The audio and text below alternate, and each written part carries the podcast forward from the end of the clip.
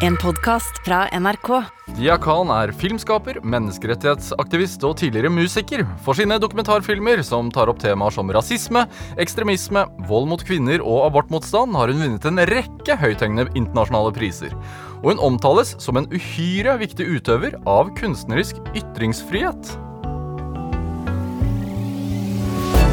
Dette er Drivkraft med Vegard Larsen i NRK P2. Dia Khan, varmt velkommen til Drivkraft. Hjertelig takk. Veldig, veldig hyggelig å få være her med deg. Det er godt å være her. Vi har prøvd å få deg ut eh, over et år. Ja, ja men vi fikk det til. Ja. Hvordan har du det? Eh, veldig bra. Veldig, veldig bra, faktisk. Eh, ja, Er det, er det rart å være i Oslo? Nei, det er fint. Det er fint å være i Oslo. Det er kaldt. Eh, mye kaldere enn det jeg eh, sånn tenkte at det skal være nå. Men selvfølgelig, altså, det er jo på slutten av året, og det skal jo ikke være varmt. Um, og, og, og første bussen jeg tok eh, for noen dager siden, så bare satt jeg og så ut og tenkte så rent alt er. Så rent og ryddig alt det er. Liksom London og USA, det er så mye søppel på siden av gaten og Så det er fint. Det er veldig, veldig fint, og folk, og folk går liksom litt roligere, og alt er litt mer sånn um, relaxed. Ja. Ja. Hvor ofte er du her? Eh, ikke så veldig ofte. Ikke så ofte som det jeg ønsker å være her. Eh, foreldrene mine er fortsatt her, broren min er her. Jeg har, eh, har noen venner her, ikke veldig mange veldig gamle venner lenger. Um, kanskje hvert som par år. Mm. Så det går år. Hvor ofte prater du norsk? Ikke ofte. Ikke ofte. Jeg, jeg snakker det, eneste personen jeg snakker det mest med, er broren min. Ja. Og med han så blir det en sånn veldig merkelig blanding av engelsk og norsk og punjabi og ud. Alt, alt liksom sånn rotete, barnslig språk. Ja. Men det kan hende at du slår over til engelsk noen ganger Jeg. Ja, så jeg håper det går greit. For jeg har ehm, Selvfølgelig, jeg snakker norsk, jeg var jo født og oppvokst her, men jeg eh, For folk blir aldri veldig overrasket over at Nei, men du høres jo norsk ut. Ja, men jeg er jo norsk. Det er ikke det som er problemet. Problemet er at jeg fikk aldri utvikle, fordi jeg dro så tidlig, så fikk jeg aldri muligheten til å utvikle eh, ordforråd. Voksenvokabulære. Ja, så jeg får, jeg, så jeg får liksom ikke tatt tak i ord. Jeg, jeg, har ikke tilgang til visse ord som kan legge mm, eh, Som gir meningen på de følelsene jeg prøver å uttrykke, og de tankene jeg prøver å uttrykke. Så derfor så går det ofte over til engelsk. Um, og jeg prøver alltid å få folk til å forstå at det er egentlig for deres eget beste. For den norsken jeg har tilgang til, er ganske sånn, sånn fjortis-type språk. og det trenger dere ikke høre fra Oi, meg. hva gjør du om dagen? Er det en ny film? Det er ny film. eh, det er eh, i, i prosess av også eh, Ikke flytte, men sånn basere meg selv i USA nå i et par år. Så jeg måtte pakke opp leilighet og sånn i, I London? i London. Ja, så Ja. Og så har jeg Hvor i USA? Uh, Arbeid er overalt, uh, men jeg kommer først og fremst til å basere meg i en stund til jeg finner ut av hvor jeg skal, til, i uh, Washington DC, eh, og så gå derfra. Så jeg er litt sånn usikker, fordi jeg er ikke Filmene blir Og USA er, så- er så veldig stort, så det blir aldri på ett sted. Um, og hvilket sted jeg ender opp med å gå til mest ofte, det kommer an på filmen, kommer an på hvem jeg ender opp med å filme. Så, så jeg drar dit, for det er East Coast, så det er lettere å komme til Norge, til London, til Europa generelt, og så får jeg bare finne meg frem. Eh, Vet du tematikken? ja. Uh, det er uh, vold mot kvinner, kvinner, hva heter det? Intimate partner violence. Ja. Ja. Så vold mot kvinner i parforhold, Ja. rett og slett. ja. Ja. Du velger, du velger eh, så lystig tema. Ja. Vet du, alle vennene mine og familie, de, de, hver gang jeg forteller, forteller dem ok, dette her blir da neste film, eller dette blir neste film, så de, de blir så oppgitt, og de ser på meg sånn der, hva er det som er galt med deg? Hvorfor kan du ikke bare gjøre noe om, eh, om cupcakes, eller liksom puppies, and, og, og liksom, hvorfor kan du ikke gjøre noe koselig? um, ja, og det, jeg vet ikke, kanskje jeg skal gjøre det en gang? Men vil du det? Helt ærlig? Nei, fordi det, det, det jeg tror er litt vanskelig for folk å sånn Kanskje mm, tenke på, er at selv om jeg gjør veldig mørke temaer, selv om det er veldig mye brutalitet og mye vold og mye av det som på en måte går galt i samfunnet vårt, så er det Selv om det er egentlig tema, så ser jeg alltid etter eh, lys, og jeg ser alltid etter håp i det mørket.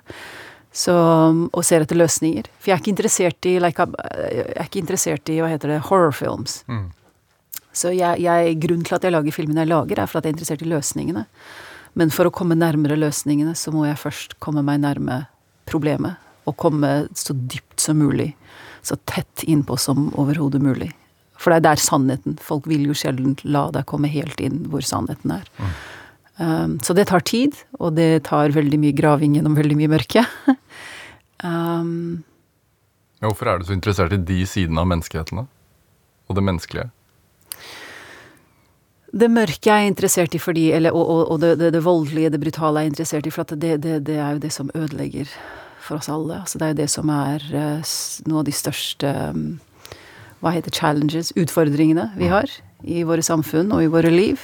Um, og grunnen til at jeg går mot det menneskelige, er fordi um, Jeg føler at der er det noe som Der finner jeg ofte uh, muligheten på hvordan det kanskje kan gå en annen vei. Uh, for hvis, hvis, jeg bare forholder meg til det på en måte, ikke overfladiske, men de, de mer ytre lagene på et tema, eller også på et menneske, så er det Kommer jeg ikke nære nok inn på hva det er som egentlig får folk til å gjøre det de gjør. Ikke sant? Så jeg, jeg, jeg er ikke så veldig interessert i hva er det folk gjør. Jeg er mer interessert i hvorfor gjør vi det vi gjør, og hvorfor tar vi de valgene vi tar, hvorfor eh, behandler vi hverandre som vi gjør, eh, og behandler oss selv som vi gjør. Eh, så det som driver meg i alt arbeidet, er jo er, er, løsninger, men min på en måte måte, mitt verktøy, for å komme meg til løsningene, er jo en sånn dyp, dyp um, obsessive En sånn galskap, nesten, for hvor nysgjerrig jeg er. ja, ja. Så det er veldig, veldig nysgjerrig. Og veldig sånn uh, sincerely. Hva, hva, betyr det? Uh, sincerely sånn um, At han ektefølt nysgjerrig? Ja, det, det, er en virk, virkelig Altså, jeg virkelig er nysgjerrig. Ja. Jeg er virkelig veldig interessert i, På, i ja, Altså generelt i, i livet også? I mennesker. Ja. Ja. Du, altså og, og, filmene dine mottar jo voldsomt med ros, masse kri god kritikk, du, og du vinner haugvis av filmer, nei, priser. Eh, du har vunnet to Emmys, en BAFTA, bare for å nevne noe. Eh, du har vært i Oslo nå og mottatt Fritto-prisen, som du jo ble tildelt i fjor, riktignok, ja, men pga. pandemien ikke kunne motta før nå. Er, er det liksom en drivkraft for deg? Gjør det at du får ekstra nei. gass på å gå videre? Nei. Kanskje det er feil svar, men nei. nei. Det er ikke det. Um, det er, jeg, jeg, blir veldig, jeg er veldig takknemlig. Blir veldig overveldet og veldig rørt av uh, den type støtte og um, den type um, at, at, filmene blir mottatt på den måten. Det betyr veldig mye. Uh, men drivkraften er ikke det. det og, og, og det får meg ikke til å tenke at nei, nå må jeg gjøre mer, eller nå må jeg gjøre noe annerledes, eller altså det, Så det har ikke noe, det har ikke noe innvirkning på min uh, oppførsel mm. uh, og mine valg. Det gir meg muligheten til å gjøre mer. Så det gir meg frihet, er det det egentlig gir. Uh, og jeg har hatt flere sånn yngre filmskapere nå som har faktisk spurt meg. Um, som ønsker å komme seg inn i den bransjen eller den bransjen og sånn, og så spør de hvordan vinner jeg priser? Og mitt svar er å ikke spørre det spørsmålet. At det ikke skal være din drivkraft. Dette er Drivkraft med Vegard Larsen i NRK P2. Og I dag er filmskaper Dia Khan her hos meg i Drivkraft på NRK P2. Vi skal snakke masse om filmene dine, men veldig mange her eh, i landet kjenner deg som musiker. Mm. Um, Gjør de det fortsatt? Jeg tror det er sånn fra gamle dager. Altså sånn Men er det ikke veldig gamle dager? Jo, men det er jo det. Ja. det For husker du nesten så vidt selv, egentlig? Ja, gjør du det? Ja. ja. For det, det, kjennes så lenge siden. Men jeg skjønner det sånn at musikk og det musikalske ja.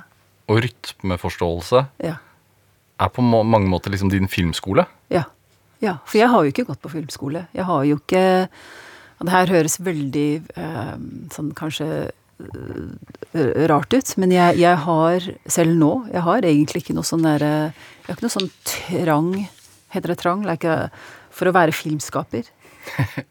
Skjønner du? Så, det, så, jeg, så jeg, jeg, jeg har hatt flere folk som har sagt ok, underveis har folk sagt du burde gjøre det, du burde gjøre det, og det er veldig god, bra, det kommer til å være veldig bra for karrieren din, og du burde gjøre sånn og sånn og sånn. Eh, og jeg på en måte bare rister på hodet og sier at ja, men jeg er ikke ute etter en karriere. Jeg, jeg vil, det, det, poenget med det jeg gjør, er ikke at jeg skal være, eller at jeg ønsker å være en filmskaper. Poenget med det jeg gjør, er å lære. Å forstå. Um, så, så, det er eh, Så, så det, er more, det, er mer sånn It's more selfish Mhm. Than that. Like I, I, I do it because I'm really, really trying to understand and learn something. Men utvikler du deg selv også? Absolutt. Ja, ja, ja, absolutt. Altså, det, det er jo derfor jeg begynte å Jeg begynte å lage filmer fordi jeg prøver å forstå noe. Og i den prosessen av å prøve å forstå, så får jeg muligheten til å dele det jeg forstår, med et publikum. Så får de forstå det de ønsker å ta fra det jeg har på en måte opplevd, eh, gjennom fortellingene som jeg får fortalt. Ehm, men det er ikke Ja, altså, det, det å være filmskaper er ikke That's not the goal in and of itself. Det er bare et verktøy. Ja. Ja. Og, og, og som du sier, så, så øh, Og jeg hadde aldri en drøm om at å, en dag skal jeg bli filmskaper, og det er egentlig det jeg virkelig vil gjøre. Det er ikke det. Hva var drømmen, da? En gang i tiden? Vet du, det her høres øh, mm, Jeg hadde ikke noe drøm. Fordi det var min far som hadde en drøm. Ja. Og hans drøm var at jeg skulle bli musiker. Så jeg begynte med musikk da jeg var syv år gammel. Så bestemte han seg for at jeg skulle gjøre musikk. Fordi han hadde sine egne erfaringer med diskriminering og, og um, var veldig uh, Slet veldig med å finne muligheter i Norge. Som førstegenerasjons pakistaner som hadde sine begrensninger med språk og, og tilgang til utdannelse og, og muligheter generelt. Uh, så han var veldig sånn sterk på at du må gjøre noe annet. Du må gjøre noe hvor du ikke kommer til å bli dømt på de At du ikke kommer til å bli holdt tilbake på de. Og det han tenkte da var det frieste, var uh, hvor bare hardt arbeid kommer til å telle, er musikk. Var det han mente. Kunst. Så, kunst og musikk. Ja. Og, Ja. Eh, Så, så jeg fikk Så jeg fikk aldri muligheten til å drømme selv, faktisk. Eh, fordi han bestemte det såpass tidlig. Så jeg har ikke, jeg har ikke noen minner om at eh, jeg ønsket å bli frisør, eller ønsket å bli politidame, eller Jeg har ikke noe sånn Jeg har ikke noe hukommelse på at det, det var noe som jeg hadde tilgang til i hodet mitt. Nei. Det var bestemt for Det deg at du bestemt. skulle bli og det, musiker? og det var, det var ikke Det var ikke åpen for diskusjon, liksom. Det var ikke sånn at ja, men kanskje kan det bli det. Det var det er det du skal bli, og sånn er det. Og jeg ø- sånn tuller alltid litt at han, han sånn derre He didn't force me into a marriage. Like he didn't do like an arranged marriage, but he arranged my, my profession. Ja. Uh, og det da gikk jo med meg veldig lenge. Uh, men jeg er veldig takknemlig for all treningen jeg har fått. For, på grunn for jeg, jeg, jeg studerte nordindisk og pakistansk klassisk musikk veldig, veldig, veldig, veldig mange år. Hvor avansert er det? Veldig, eh, det er en veldig kompleks musikkform. Eh, tusener av år gammel, og, og, og, men den er basert på Vestlig klassisk musikk er basert på å lese musikk. Ja. Ja, Denne formen her er basert på å lytte. Hva betyr det? At du bruker øret ditt. Du bruker øret ditt på å lytte. Så alt du lærer, du hører på din lærer, your maestro, eh, og du repeterer. Og han spiller eller synger, du repeterer. Så du plukker opp hver minste nyans, hver minste detalje må du plukke opp. Eh, og så etter hvert så får du større og større spekter. For improvisasjon er også en veldig, veldig stor del av musikksystemet. musikksystemet. Musikkformen. Uh, så etter hvert så lærer du da også å tenke deg og føle deg frem på hvordan skape ut ifra de sånn basisreglene som du har fått på den og den skalaen. Ja, som du skal da lage, kompo, komponere musikk innenfor, uh, uh, melodier innenfor, eller uh, improvisere innenfor. Så, så begge de, de tingene, og det å måtte vir, virkelig lytte, ikke bare lytte sånn Virkelig lytte på alt som skjer i stemmen. Det har jeg merket, eller har jeg sånn på en måte innsett, at det er en stor del av uh, mitt verktøy nå, som Ja, filmskaper. Jeg, ja, som jeg sa, at du bruker det som, Ja. et, som et verktøy. Hvorfor er det altså lytting? Ja. Du, du gjør jo fryktelig Altså, du gjør jo intervjuer. Ja. Du lager intervjubaserte dokumentarer. Ja. eh, med med sce- scener av hendelser, selvfølgelig. Hvordan merker du Altså Hvilken egenskap er den lyttingen? Fortell om den. Jeg føler at eh, lytting er noe vi ikke gjør så ofte i, i vårt samfunn, i, i uh, hektiks, hektiske verden vi lever i. Vi lytter absolutt ikke på folk som er annerledes enn oss, folk som har andre meninger enn oss. Eh, så det er på en måte sånn Det er, det, det er ikke på bordet engang. Uh, men jeg føler at vi også ikke er så flinke til å lytte på oss selv. Eh, jeg føler at vi ikke er så flinke til å lytte på hverandre som folk som er i, i, i våre liv. Eh, virkelig lytte. Ikke bare lytte på hva det er folk sier, eh, men kanskje hva det er som ligger bak hva de sier. Kanskje hva det er de føler. Kanskje hva det er de savner. Kanskje hva det er de um, trenger. Så for meg så er det å lytte er en av de viktigste egenskapene som jeg har, som jeg er veldig heldig til å bli trent opp på en sånn helt merkelig måte, men uh, har fått den egenskapen. Um, og hvor viktig og hvor manglende den egenskapen er i politikken vår, i, i, i hverdagen vår.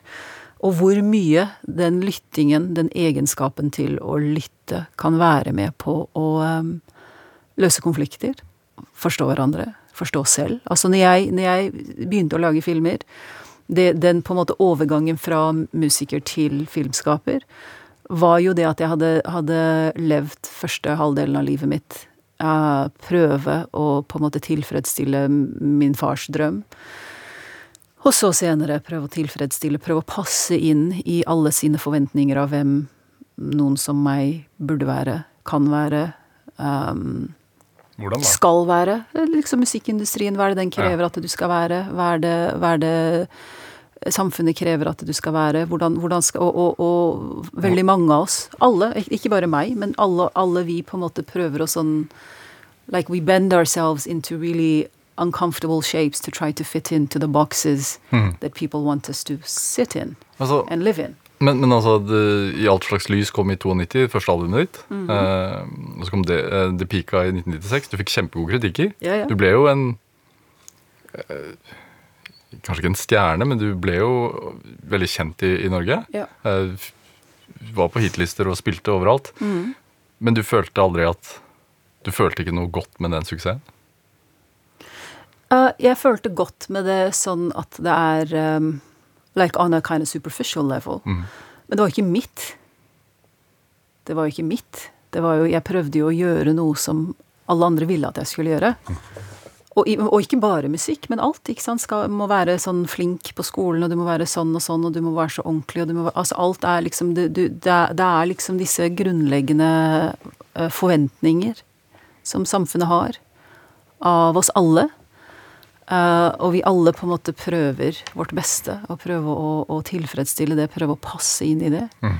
Eh, på godt og på vondt. Om, det, om vi egentlig passer inn eller ikke. Om det egentlig er noe som har noe med hjertet vårt eller talentet vårt eller ønskene våre, drømmene våre å gjøre eller ikke. Liksom, vi tør veldig sjelden å bare være oss selv. For vi vil heller være det folk vil at vi skal være. Det er lettere, men jeg måtte lære og veldig mange lærer det samme, at det, det egentlig er veldig, veldig vanskelig å prøve å være noe uh, for andre. Og ikke bare bare være den du er. Akseptere deg selv. Ikke vente på aks, aksept fra andre, men du må bare akseptere deg selv. På, på, på godt og vondt. På, med, med alle dine feil, med alle dine usikkerheter, med alle dine uh, um, Alt. Og så, Ikke alt. Og så vekket musikken din en del negative reaksjoner også. Ja, Så det praktiske var jo også veldig vanskelig. Ja. Uh, men det igjen faller inn i samme på en måte tingen av at det var Så da var det folk fra min fars, hans miljø, som hadde andre forventninger. Ja. Av hva en jente som meg kan være, bør være, bør ikke være. Hvilken boks jeg burde passe inn i. Så han hadde sin, de hadde sine forventninger. Norge hadde sine forventninger, musikkindustrien hadde sine all, Alt det der. Og det er uh, It's suffocating. Mm. Ja. Du følte deg kvalt? ja. Ja. Når var det du følte at du fikk puste igjen, da? Det er ikke så lenge siden. Uh, Hva vil jeg si? Uh, det var kanskje 12-13-14 år siden. Uh, det er da jeg begynte å lage filmer. Eller rett før jeg begynte å lage filmer. Etter at du hadde lagt musikkarrieren på hylla, rett og slett? Ja, ja. Og siste innspillingen gjorde jeg eh, jeg vet ikke om det var 2008, kanskje. Mm. I London, da. I USA, faktisk, var det. Um, så det var siste innspillingen. Og etter det så stoppet alt. Etter det så var det hadde jeg nok. Ville ikke gjøre det her mer. Um, og ante ikke hva jeg skal gjøre. Vi skal, vi, skal høre, likevel høre litt av deg, da. Ja, ja. Det, det er greit, det. Selvfølgelig Ja. ja, ja. Eh, Vi skal høre Pashto Lullaby, og det er jo Pashto, det, det snakker man i Afghanistan? Ja. Du er jo halvt, halvt. Hvor- Hvorfor er den Hvorfor er du glad i den, da? Eller du det? For moren min sang den, eh, og, og den, har, den sangen har bare alltid vært veldig uh, Betydd mye for meg. Eh, og så var det veldig fint å få jobbe med Andy Summers, uh, som er gitaristen i The Police, mm -hmm. uh, på den. Um, og så har den, etter at sangen blir utgitt, så har jeg fått så mange veldig, veldig, veldig fine meldinger fra overalt. Og særlig fra én lærer som snakket om Fra Norge, faktisk, tror jeg. Som snakket om at hun jobber med asylsøkere, men med, men med barn. Mm. Eh, og at noen av de hadde hørt om hvor mye, altså hvor mye de gråt når de hørte den, men også hvor mye det betydde for dem, for de ikke har moren sin lenger. Du snakker litt om Du snakker om faren din. Mm. Hvordan var moren din da du var barn? Mye kjærlighet, mye uh, det, det, det motsatte. Altså Han har veldig veldig mye kjærlighet, han også, men han har også veldig høye forventninger. Hun hadde ikke noen forventninger. Eh, hun var bare kjærlighet. Eh, så det har vært veldig sunt, da. Så den balansen er vel ganske sunn. Hadde jeg ikke hatt den balansen, så tror jeg det er ikke sikkert jeg hadde sittet her i dag. ikke sant?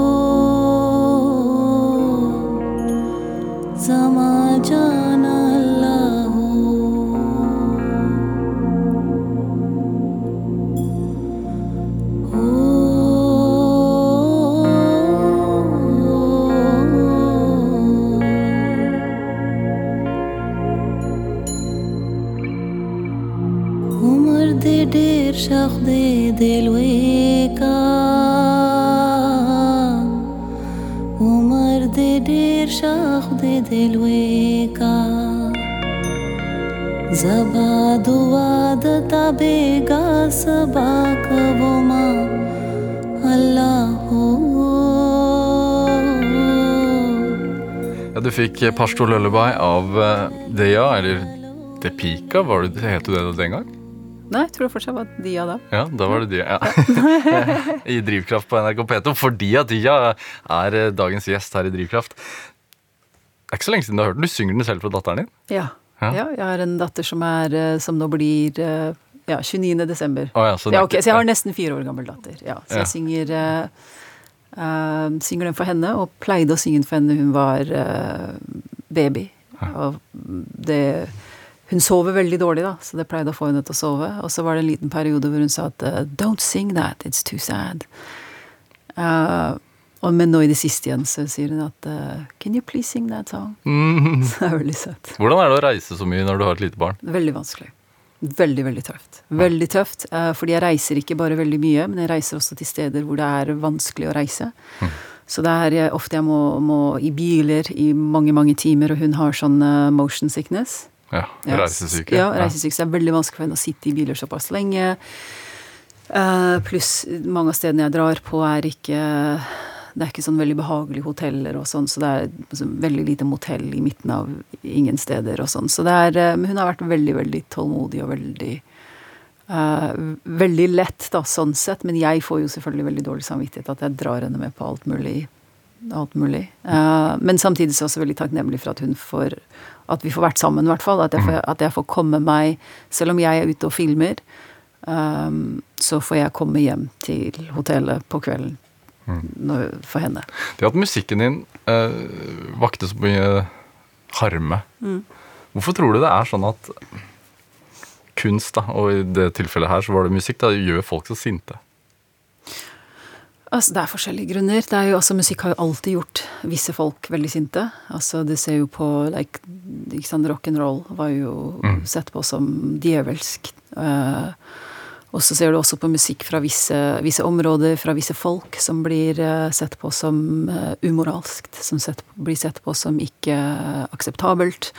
Du ser jo hva som har skjedd i Afghanistan. Altså før de, eh, når, når Taliban kom eh, på plass igjen i august, så eh, en av de første tingene de gjorde, var jo å eh, stille musikken. Ikke sant? Hvorfor det, tror du? Jeg mener at det er fordi at musikk treffer oss. Musikk går på en måte forbi alle våre vegger, tror jeg, og alle våre sånne der, um, barrierer. Det går rett inn i hjertet, det går rett inn i vårt følelsesspekter. Uh, og, og på grunn av at det gjør det, så gir det oss tilgang til oss selv på en måte som uh, ikke veldig mange andre kunstformer har muligheten til å gjøre. Så jeg tror det er farlig. For, for, for folk som ønsker å kontrollere befolkninger, for folk som ønsker å kontrollere oppførselen til folk, for folk som ønsker å kontrollere uh, eller begrense håp, begrense følelser, begrense medmenneskelighet, menneskelighet, for folk som vil ta ifra deg din kapasitet til å håpe, din kapasitet til å føle og kjenne og ønske noe mer, noe bedre. Eh, For dem så er musikk farlig. For dem så er eh, kunst farlig. Um, Fordi at håp er farlig? ja, håp er farlig. Håp er farlig, for i håp så bor, bor det andre muligheter. Så bor det den eh, kapasit kapasiteten til at ting trenger ikke være sånn som det er. Ingenting er sånn Altså, det er ikke Ingenting er permanent. Når folk sier at ja, men det er min kultur, f.eks. Kultur er jo ikke noe som er permanent. Kultur er jo noe som hele tiden utvikler seg og utvider seg, og inkluderer mer eller mer, eller legger fra seg ting som ikke lenger er eh, sunt, f.eks. For, eksempel, for mennesker. Så, så um, folk som er veldig um, trangsynte, eller som er veldig stramme på en måte i hjertet sitt og vil at ting skal være så harde som mulig, at det skal være så liten sånn e- emosjonell bevegelse som mulig innvendig for oss, de ønsker jo da å begrense alt som får oss til å kjenne, alt som får oss til å føle, alt som får oss til å kjenne oss igjen i hverandre. Du, du, du sa tidligere at eh, du kanskje ikke hadde noen drømmer som ung, men sånn som etter at du reiste fra Norge og flyttet til London Hva var håpet ditt? Å fullføre min fars drøm. Ja, fremdeles. Ja, ja. Jeg visste jo ikke noe annet. Nei. visste jo ikke noe annet, så du bare du prøver og prøver og prøver og prøver og jobber og jobber og jobber. Og jobber. Eh, og så mister du deg selv, for du, du husker ikke lenger hva, hva annet som er der. Eh, og det er derfor, for 13-14-15 år siden, eh, så, så bare krasjet alt. Altså, det var bare så Jeg, ba, jeg mistet alt håp. Og bare, bare Hva skjedde? Jeg bare satt og bare stirret i en vegg og var helt uh, I was lost. Eh, og hadde ing, altså, musikk hadde blitt min identitet, musikk hadde blitt min alt. Uh, mitt mål, min, min alt. Så det ikke å ha det lenger, og ikke, og ikke ønske å ha det lenger heller um, Det var veldig vanskelig, for det var ikke noe Eller jeg følte at ja, men det er jo ikke noe annet der lenger. Men ble du forsøkt truet til stillhet på et vis?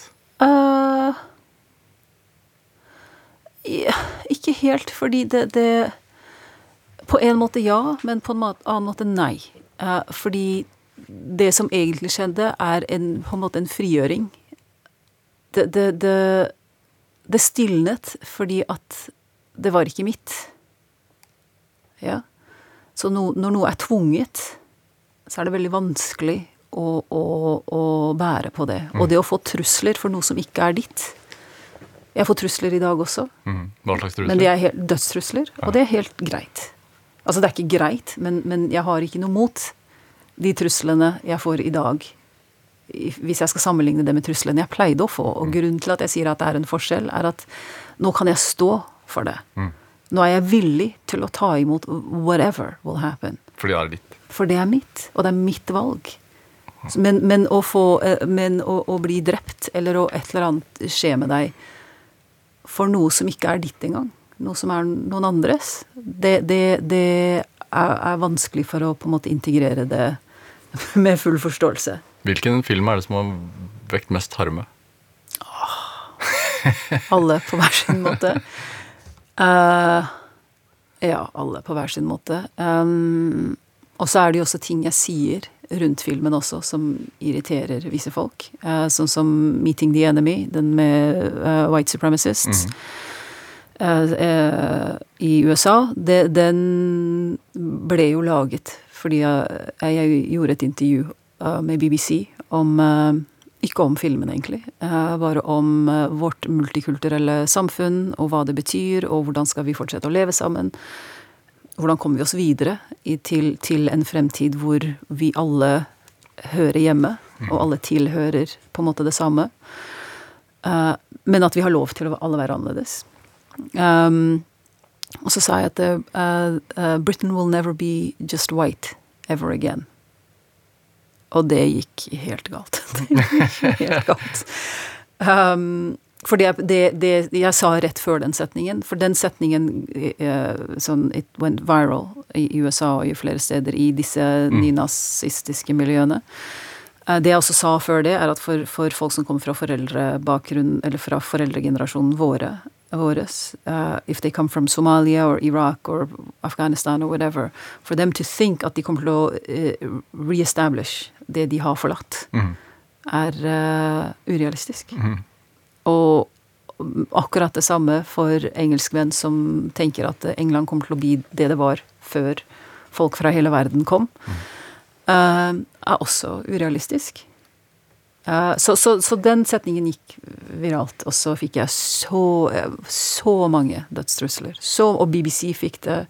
Og BBC ringte meg, sa at det her må du ta veldig seriøst. Eh, For jeg måtte nesten le i begynnelsen, for jeg bare tenkte at det her er For jeg har fått også trusler fra eh, Når jeg lagde Jihad-filmen, så fikk jeg veldig mye rundt der også. Jeg husker jeg bare tenker at dette her er jo øh, like Altså, det høres ut som samme person, nesten. Truslene er helt like. Det, hele oppførselen er på en måte det samme. Bortsett fra at eh, logoene deres ser annerledes ut. Ja. Eh, Og flaggene ser annerledes ut. Hvor mye likheter er det, tenker du? Hvor mange? Ja. Uh, 95 Altså alt det fundamentale er likt. Det som er annerledes, er det overfladiske. Så det, the image er annerledes, og Symbolikken er annerledes. symbolikken er annerledes, og, og, um, og selvfølgelig liksom uh, uh, Hva heter det um, Ideologiene er jo annerledes, men poenget med disse bevegelsene er jo akkurat det samme. Og metodikken deres er jo akkurat det samme. Eh, taktikkene som de bruker, er jo akkurat de samme. Og de har jo et hat for hverandre, men så har de også en sånn merkelig type respekt for hverandre også. Eller i hvert fall i det nynazistiske miljøet. Så hater de jo muslimer.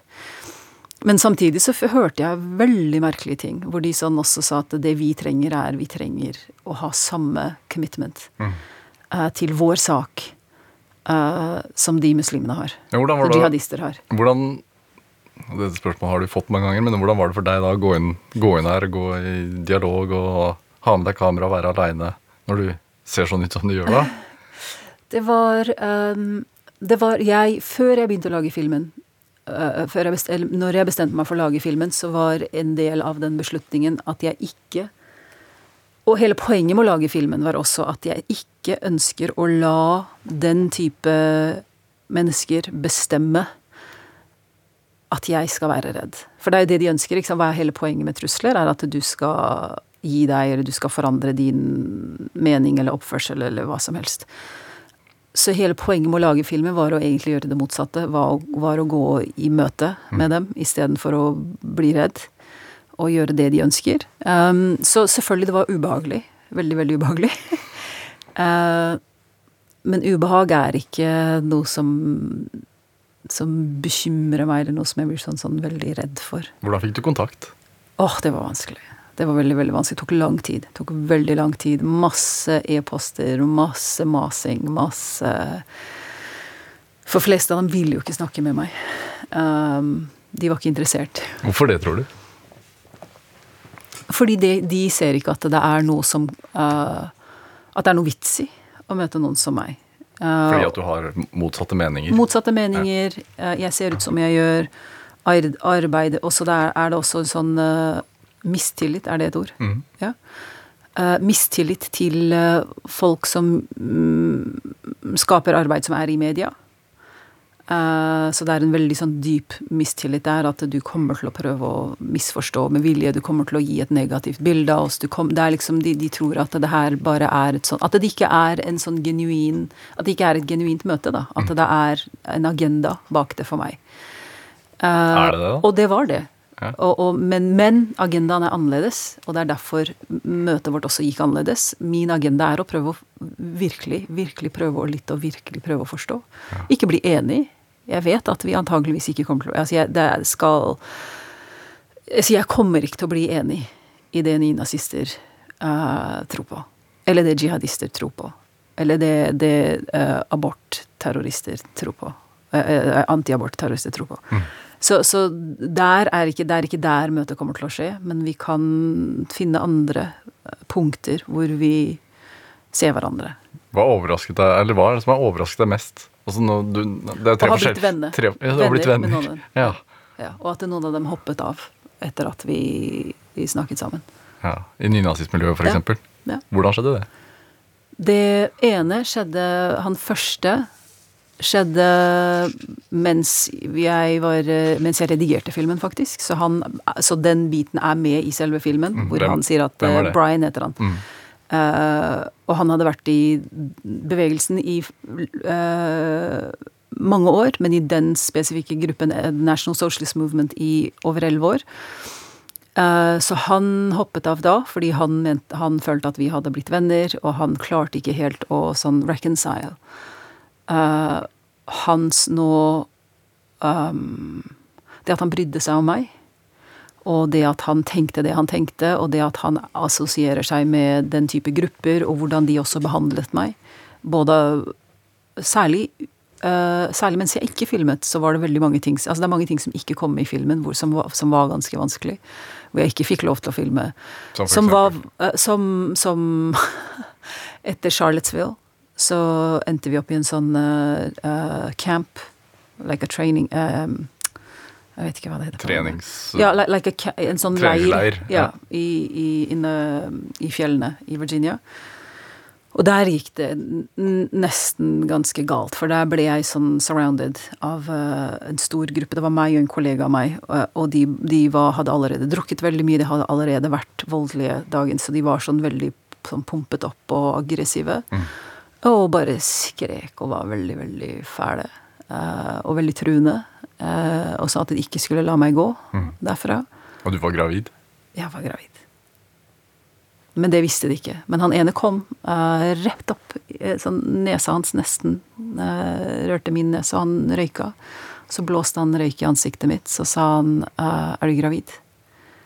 Og Så måtte jeg se han rett inn i øynene. Jeg sa nei, det er jeg ikke. Eh, Hva hadde skjedd hvis du hadde sagt ja, tror du? jeg hadde hørt dem tidligere på dagen. Ikke han. Han så jeg bare der.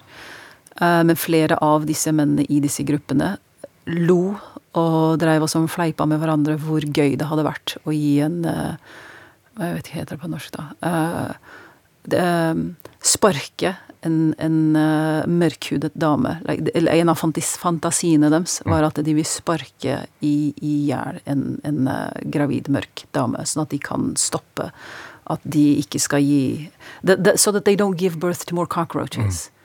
So they wanna, they wanna basically give her an abortion there and then. Så de drev og lo, og ja, det hadde jo vært kjempegøy om vi kan finne en sånn en. Og så går jeg bak dem og trekker jakka og, og, og skjerfene foran magen min enda mer. Så for Brian så var det veldig vanskelig. Men du, Og det var dagen før? Hva da? De, de hadde ledd og sagt Ja, ja, ja. Men hvor, Ja. hvor kommer motet fra til å være der dagen etterpå, da? Altså, jeg visste ikke at det skulle gå sånn. Jeg visste ikke at jeg kom til å ende opp der. Brian var han som hadde tatt meg med dit, og hadde, han hadde sagt til meg at jeg har fått tillatelse, og det er flere der som du kan snakke med, som er villig til å snakke med deg, så kom, du kan bli med. Og så kom vi dit, og så forsvant Brian, for Brian måtte gå og snakke med, men han kom aldri tilbake. Men grunnen til at jeg fikk lov til å dra igjen derfra, var fordi at Brian kom tilbake og måtte uh, negotiate med dem om å la meg gå. Forhandle, rett og slett? Forhandle, ja. Ja. Og for å tillate meg å dra. Så det satt veldig mye spor på han. Det var veldig vanskelig for han at jeg hadde blitt behandlet sånn.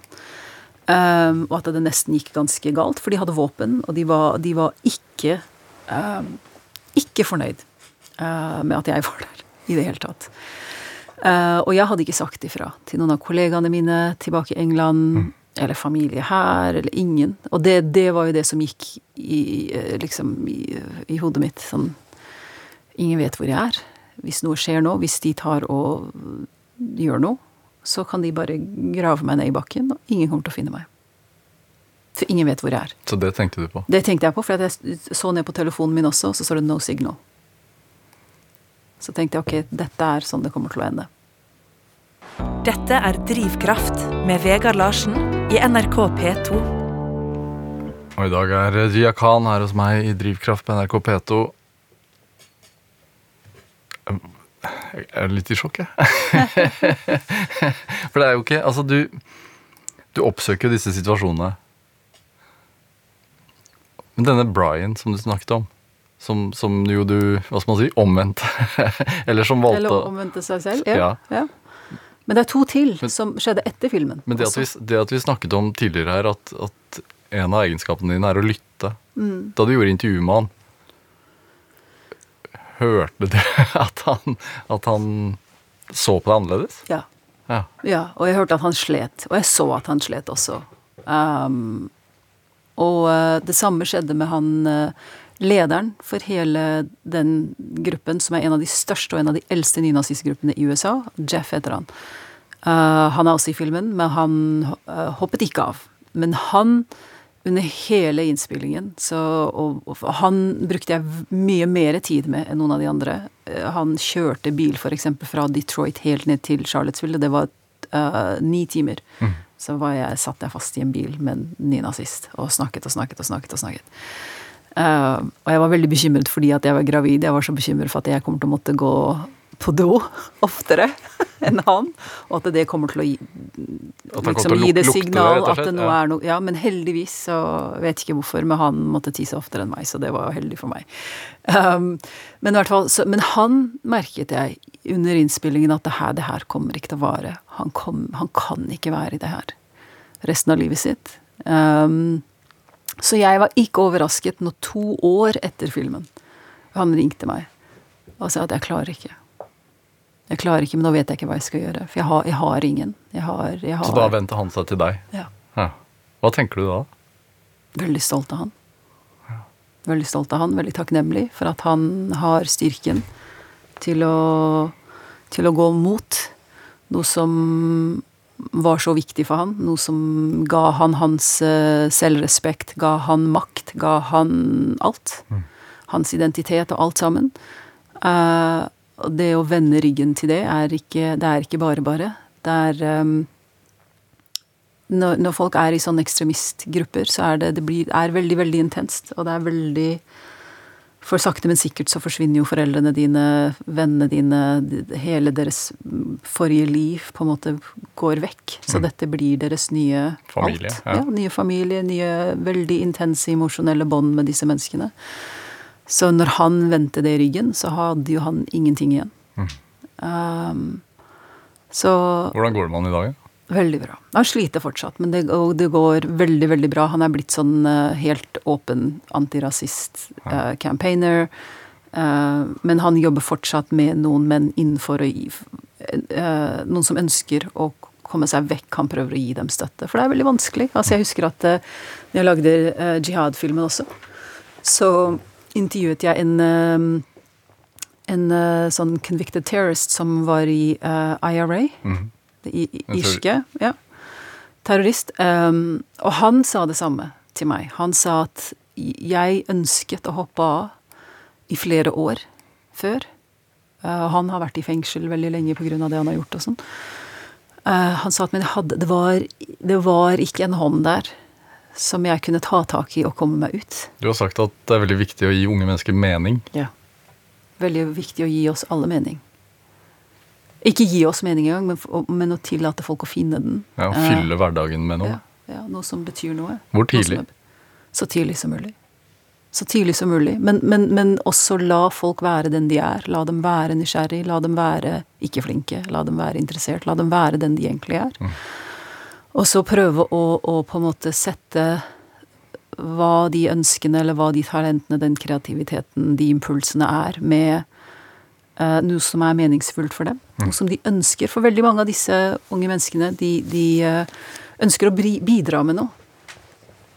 Eh, men har ikke tilgang eller sånn eh, outlet for hvordan de kan bidra. Um, og det disse ekstremistmiljøene så veldig uh, kynisk og veldig, uh, er veldig flinke på, er jo at de vet at under mange av disse behovene, under, under alle disse eh, tendensene som mennesker har, så er det sånn basic menneskelige behov som trenger å bli møtt. Og disse gruppene gjør det. De, de, de møter folk med Vi tror ikke det, det ser ikke sånn ut for oss, men det er virkelig det, radikaliseringsprosessen er det at jeg ser deg. Jeg hører deg, jeg forstår deg, og jeg er her for deg. Det Eneste jeg krever, er at du, du hater det samme som meg. Ja. Og, og det veldig ofte kommer senere for folk. Det er de båndene, de menneskelige båndene, som kommer først. Og så kommer ideologien og alt det der oppå der. Og jeg husker når når jeg filmet med en av de jihadist um, Han var uh, uh, disciple, follower, av en veldig, veldig sterk recruiter. Og når de, og de ja, Siden så har de forlatt og sånn, men, men, men når de snakket om han, så snakket de om at han var som en far. Og at han var glad i dem og viste dem kjærlighet som en far. At han ikke dømte dem, at han var der for dem, at han brydde seg. Så det at noen bryr seg om deg, betyr mye. Det at noen har troa på deg, betyr mye. Det at noen ser at du har noe å bidra med, betyr mye. Hvor viktig er æresbegrepet i de forskjellige grupperingene? Stort, jeg tror det er æresbegrepet er stort for mange menn. Eh, når vi ser på temaer som æresdrap, f.eks., så er, tenker vi bare negativt, som ja. var første filmen. Ja. Og da tenker altså, vår, jeg inkludert tenker jo på det æresbegrepet som noe veldig, veldig negativt. Men det er noe positivt der. Det, det er en sånn um, There's a longing Mm. that I think young men have to want to be honorable, to want to do the right thing, to want to be noble, to want to be heroes of the story. And to want to do the right thing. Alle, hver eneste person jeg har møtt, bortsett fra kanskje én eller to, i alle disse årene som er i disse voldelige gruppene, har aldri sagt at 'jeg gjør det her fordi at det er uh, uh, It's the wrong thing to do. It's the bad thing to do. Alle er drevet av å prøve å gjøre det som er godt, det som er riktig, men deres forståelse av hva som er godt og riktig, er selvfølgelig der hvor forskjellene kommer inn, ikke sant? Men den impulsen er jo en It's an honorable impulse. Er det Det er mye idealisme der. Men de har, ikke noe, de har ikke noe sånn retning eller noe plass for den idealismen. Eh, og så kommer disse gruppene og disse rekrutteringsmenneskene inn og tar tak i det. Og gir det en plass. Se- Gir det et sted. Ser de ondskapen, da? Eller ser du på det som ondskap? Ser jeg på det som ondskap? Ja. Jeg ser på uh, misbruken av unge menneskers eh, eh, dype, dype følelser, dype, dype menneskelige behov. Mm. Det å misbruke det, og misbruke den tilliten disse unge menneskene gir i hendene på disse gruppene og disse uh, rekrutteringsmenneskene, ja, jeg syns det er ondt. Jeg syns det er ondskap, ja. Å ta det og, og, og rette det mot noe som ødelegger både disse unge menneskene og resten av samfunnet. Det syns jeg er ondskapsfullt. Ja. Er det noen likheter mellom de ekstreme miljøene, altså øh, både jihadistmiljøet, men også eh, nazistmiljøet, men også når du lager film om anti-abort-terrorister, som du kaller det? Ja, Grunnen til at jeg kaller dem terrorister, er for at de har blitt dømt for Ja, bombet. De har bombet klinikker, de har prøvd å skyte mm, leger. Mm. Eh, eh, om det er eh, fellestrekk? Absolutt, ja. Mm. Ja, ja, ja. Og, og, og antiabort-gruppene Altså et voldelig Jeg gikk jo ikke så Altså, jeg mener ikke at alle som er antiabort, er terrorister. Det er ikke det jeg prøver å si. Det, så, så jeg har bare filmet med den veldig ekstreme, ekstreme uh, ytterligere på en måte eh, bevegelsen. Eh, så jeg, jeg er interessert i folk som tar den overgangen fra å ha veldig veldig sterke meninger og veldig sterke følelser, og da overfører det inn til vold. Eller, eller til noe som da også skader andre, eller seg selv. Så er det fellestrekk? Ja. Altså jihadistene så er eh, religiøse begrunnelser og religiøs drakt rundt oppførselen sin veldig viktig, og det samme er det med f.eks. dem. Eh, religion er også til stede i uh, the, sånn white nationalist, white supremacist movements. Altså KKK var jo kristne. Um, Ku Klux Klan. Uh, men I nynazistene så er det litt mindre, men, det, men det, det ligger der fortsatt. Og den hele sånn uh, identity White identity, white culture kind of De, de tar jo og, og legger inn religion der som en viktig del, en viktig bit av bildet eller imaget sitt.